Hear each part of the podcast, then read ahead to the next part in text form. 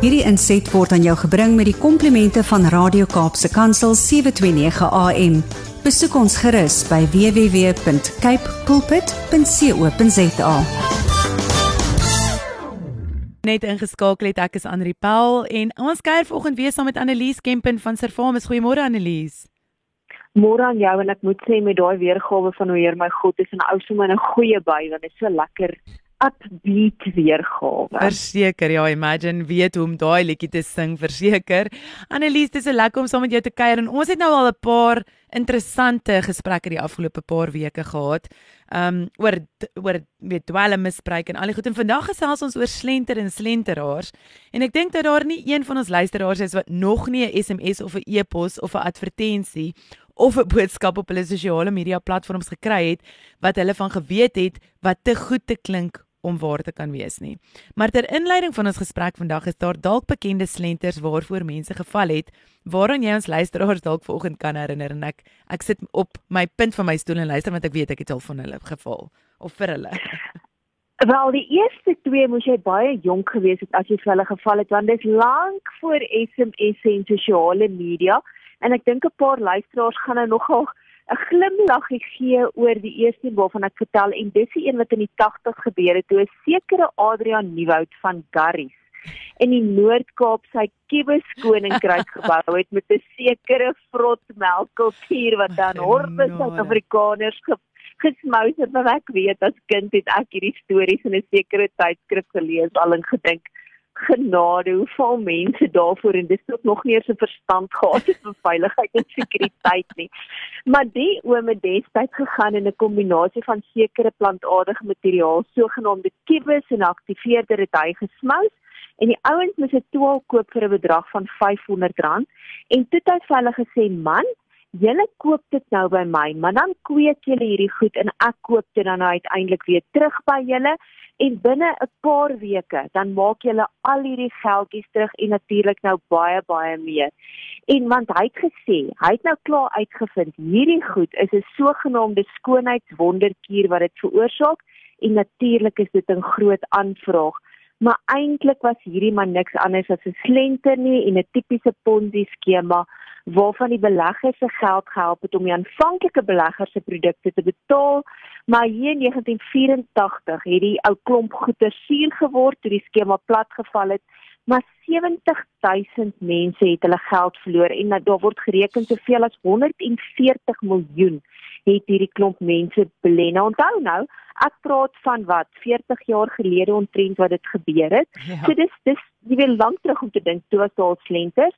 Maar die grootste een in die Suid-Afrikaanse geskiedenis was natuurlik die bekende Barry Tannenbaum wat die grootste Ponzi skema bedryf het en hy het dit aanvanklik reg gekry om bekende besigheidsmense en regsluit te oortuig om in sy skema te belê ten opsigte van die vervaardiging van HIV medikasie omdat hulle belegging 'n opbrengs van meer as 200% in die sak sou bring.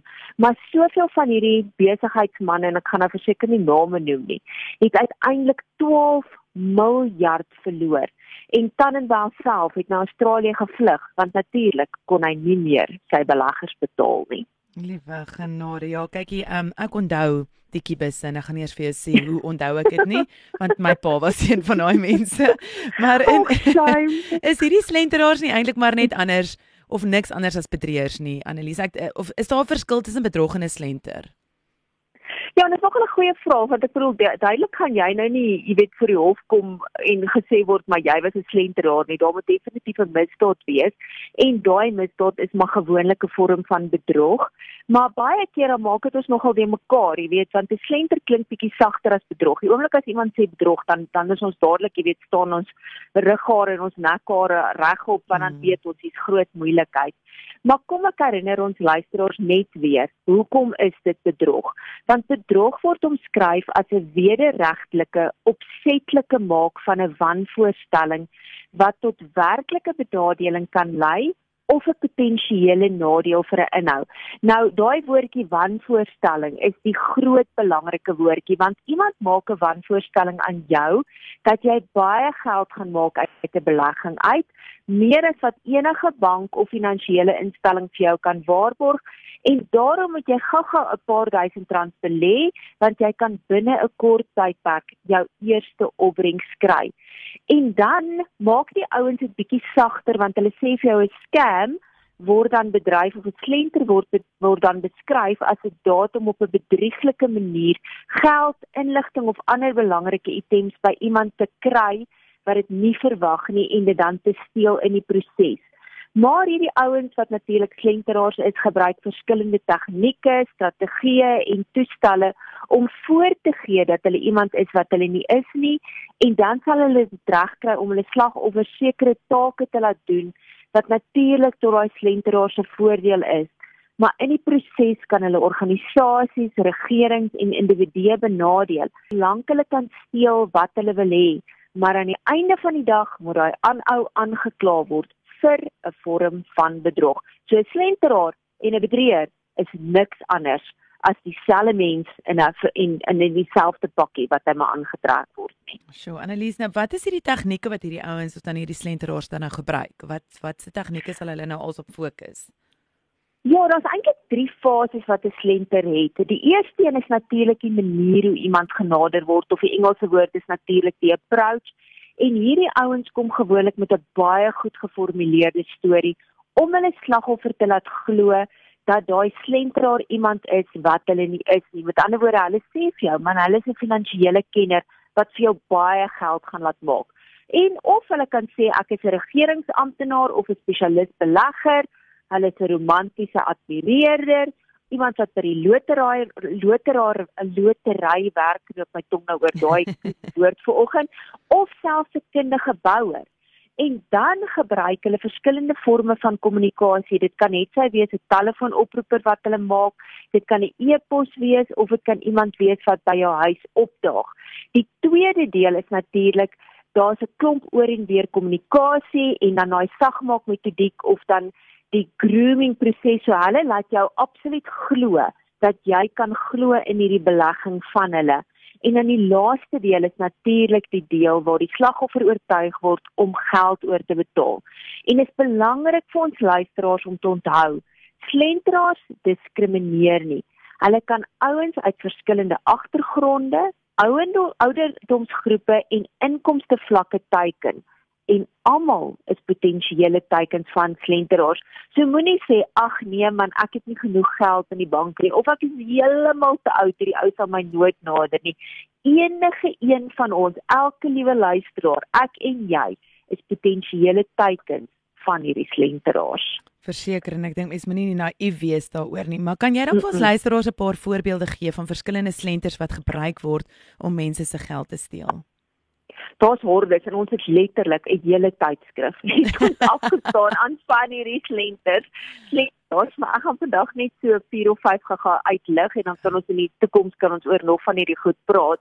Die eerste ene is ons liewe vir al ons ouer mense wat SASSA toelaat ontvang en hierdie SASSA slenter Dit sal veral gebeur wanneer hierdie slenteraars rondhang om OTM's en en in plaaslike winkelsentrums in die tyd van die maand wanneer mense hulle toelaag gaan haal. En dan sal hierdie ouens kom baie keer baie mooi netjies aangetrek in 'n pak klere of 'n baadjie, jy weet hulle ryk oordentlik. En dan sal hulle vir hierdie mense sê Maar kom ek help gaga vir oom of vir tannie om om julle geldjies te trek. Moenie nou nie gaan staan in daai lang ry by die ATM of waar jy dit ook al kry nie. Sit rustig hierso, gee my net jou pin en ek gaan trek gaga die geldjies. Ek is baie nice. Ek doen dit elke maand vir 'n klomp mense, so tannie kan my maar vertrou. En dan in die proses of as die oom of tannie sê nee man, ek kan nou nie heeltemal dit toelaat nie. Ek sal eerder by jou by die ATM te laat ek dit doen dan is hierdie ouens amper soos hierdie kulkunstenaars waar hulle die oom of tannie se kaart dan omruil vir 'n nagemaakte SASSA kaart nadat hulle daai pin in die hande gekry het. En dan sal hulle gewoonlik sê ag nee, die geld is nou seker sonder 'n jy weet die bank is nou sonder geld. Daar is nou te veel mense wat nou hulle geld onttrek het. Maar moenie worry nie, ons sit net gaga hierso. Ek gaan gaga na 'n ander bank toe loop terwyl ek gaan oom of tannie se geldjies onttrek en dan in die proses verdwyn hulle of hulle het die kaart omgeruil en daai arme persone gaan nooit weer hulle regte kaart kry so. of jy weet hulle geldjies kry nie. Of hulle sal sê ek bied aan om die geld te trek en dan kom hulle so ewe terug met 'n koevertjie, maar daai koevertjie is nie vol kontant nie. Dit is vol koerantpapier uitknipsels. So van die voorkant is daar dalk 'n nootjie en aan die agterkant, maar in die middel is die regte geld heeltemal weg. Dan die tweede een is identiteitsbedrog slenter wat gebeur wanneer slenteraars probeer om iemand se persoonlike besonderhede in die hande te kry sodat hulle dit kan misbruik om misdade soos bedrog te pleeg of om iemand sosiale media te profiel te kaap en hierdie slenteraars sal tipies tipies hulle slagoffer skakel en voorgee om vanaf 'n instelling te weet wat iets verkoop of wat 'n diens van jou verskaf soos 'n bank. Hulle klink verskriklik geloofwaardig en hulle versoek jou dat jy jou besonderhede moet gee bevestig en sodra jy jou dan jou inligting vir hulle gegee het sal hulle in jou naam aansoek doen vir krediet of lenings of 'n motor koop met vervalste dokumentasie. Hulle maak 'n klomp skuld in jou naam en uiteindelik is dit jou probleem om vir hierdie finansiële instellings te sê, maar dit was nie jy wat dit geteken het nie. So daar's identiteitsbedrog in jou naam gepleeg. Ek het so 'n rukkie terug 'n ou gehad wat my gebel het om te sê hy is van myself 'n diensverskaffer. Daar's 'n uh, een van hierdie OTP's gestuur na my toe wat wel gedoen is want daar's by Menlyn is daar iemand wat in my naam probeer om 'n sim swap te doen. En ek het uiteindelik net die ou in 'n lyntjie gehou en allerlei goeders gedoen en toe hy nader aan die foon neergesit en ek het dadelik my diensverskaffer gebel om te sê dis wat gebeur het dis die nommer wat gebeur het maar ek het glad nie my OTP vir hulle gegee nie.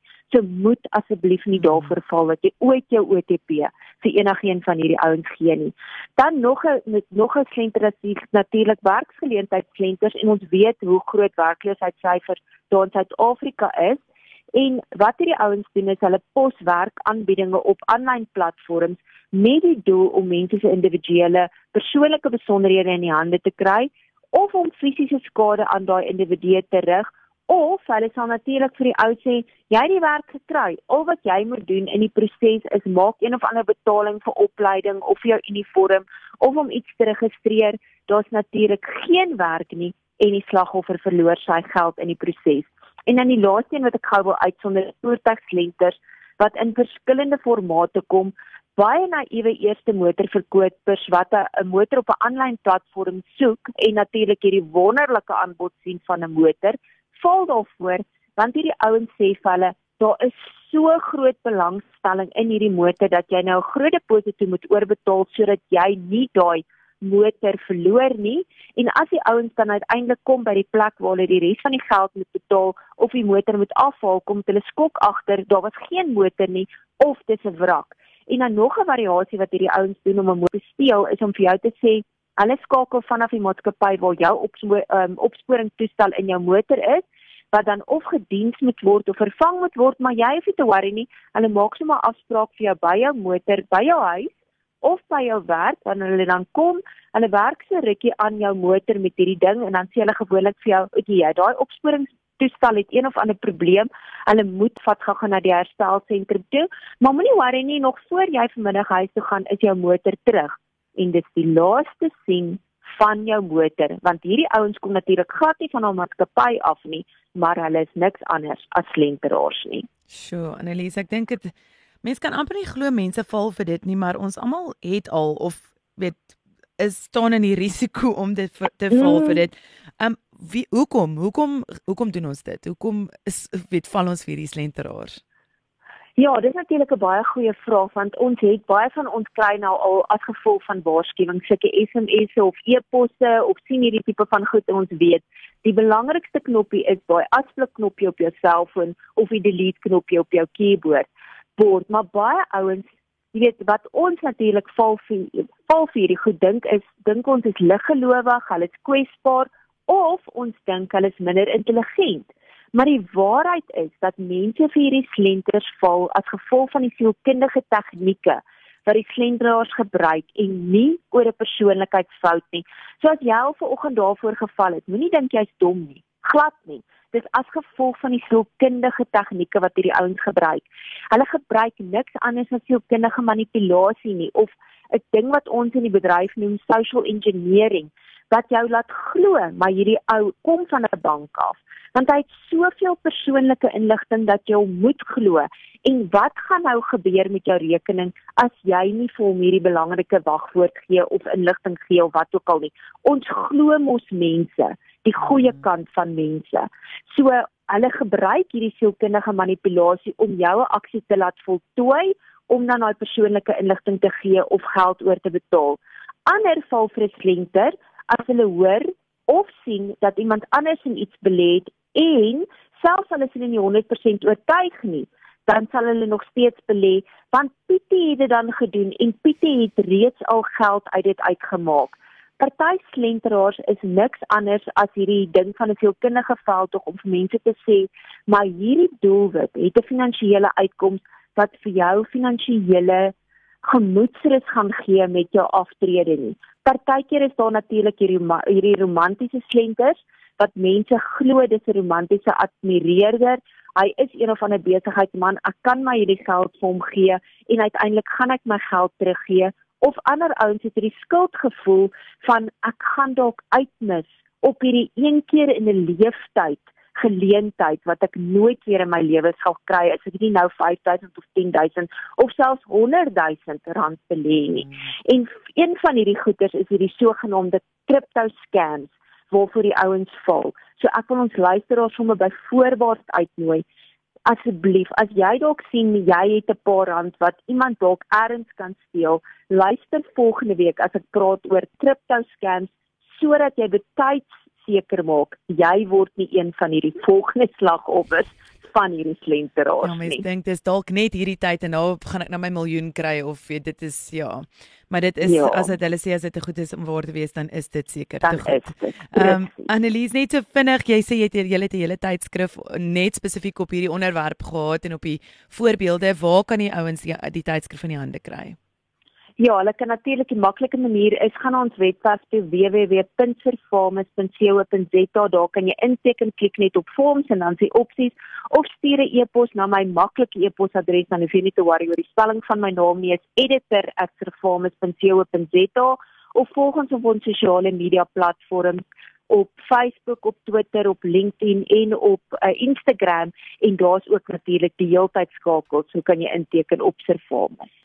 Dankie Annelies, dankie vir jou inset. Ek sien uit na ons kripto praatjie volgende week en dankie dat jy ons op hoogte hou van die dinge wat ons nie altyd van seker is nie. Dis 'n plesier en hooplik mense se geld spaar en hulle identiteit veilig hou en verseker. Verseker. Ons waardeer julle. Julle met 'n lekker dag hier. Ons praat vinnig weer. Groetnis. Dankie jy ook. Totsiens. Hierdie inset was aan jou gebring met die komplimente van Radio Kaapse Kansel 729 AM. Besoek ons gerus by www.cape pulpit.co.za.